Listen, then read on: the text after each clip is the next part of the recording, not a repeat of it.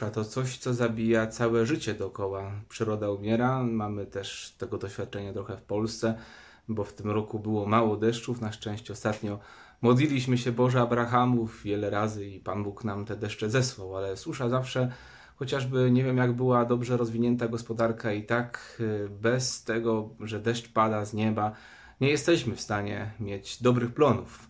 Dzisiaj Eliasz zapowiada suszę, że będzie to kara Boża.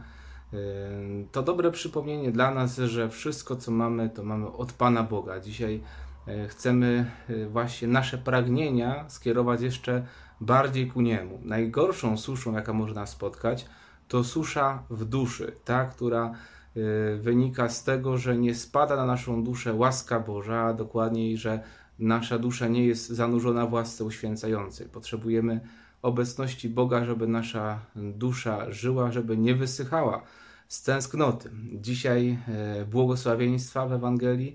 Pan Jezus mówi błogosławieni cisi, błogosławieni młodzy w duchu. Te wszystkie osiem błogosławieństw wymienia.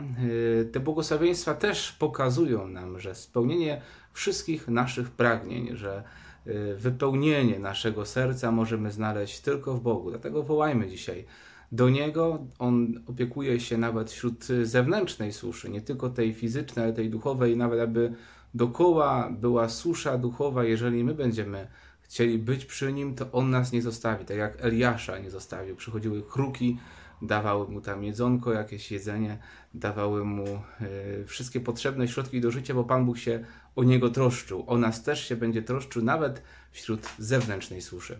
Na ten dzisiejszy dzień, oby jak najwięcej pełen łaski, jak najbardziej pełen łaski Bożej. Przyjmij, proszę Boże, błogosławieństwo. Niech Cię błogosławi Bóg Wszechmogący, Ojciec i Syn i Duch Święty. Amen. Z Bogiem i Pa.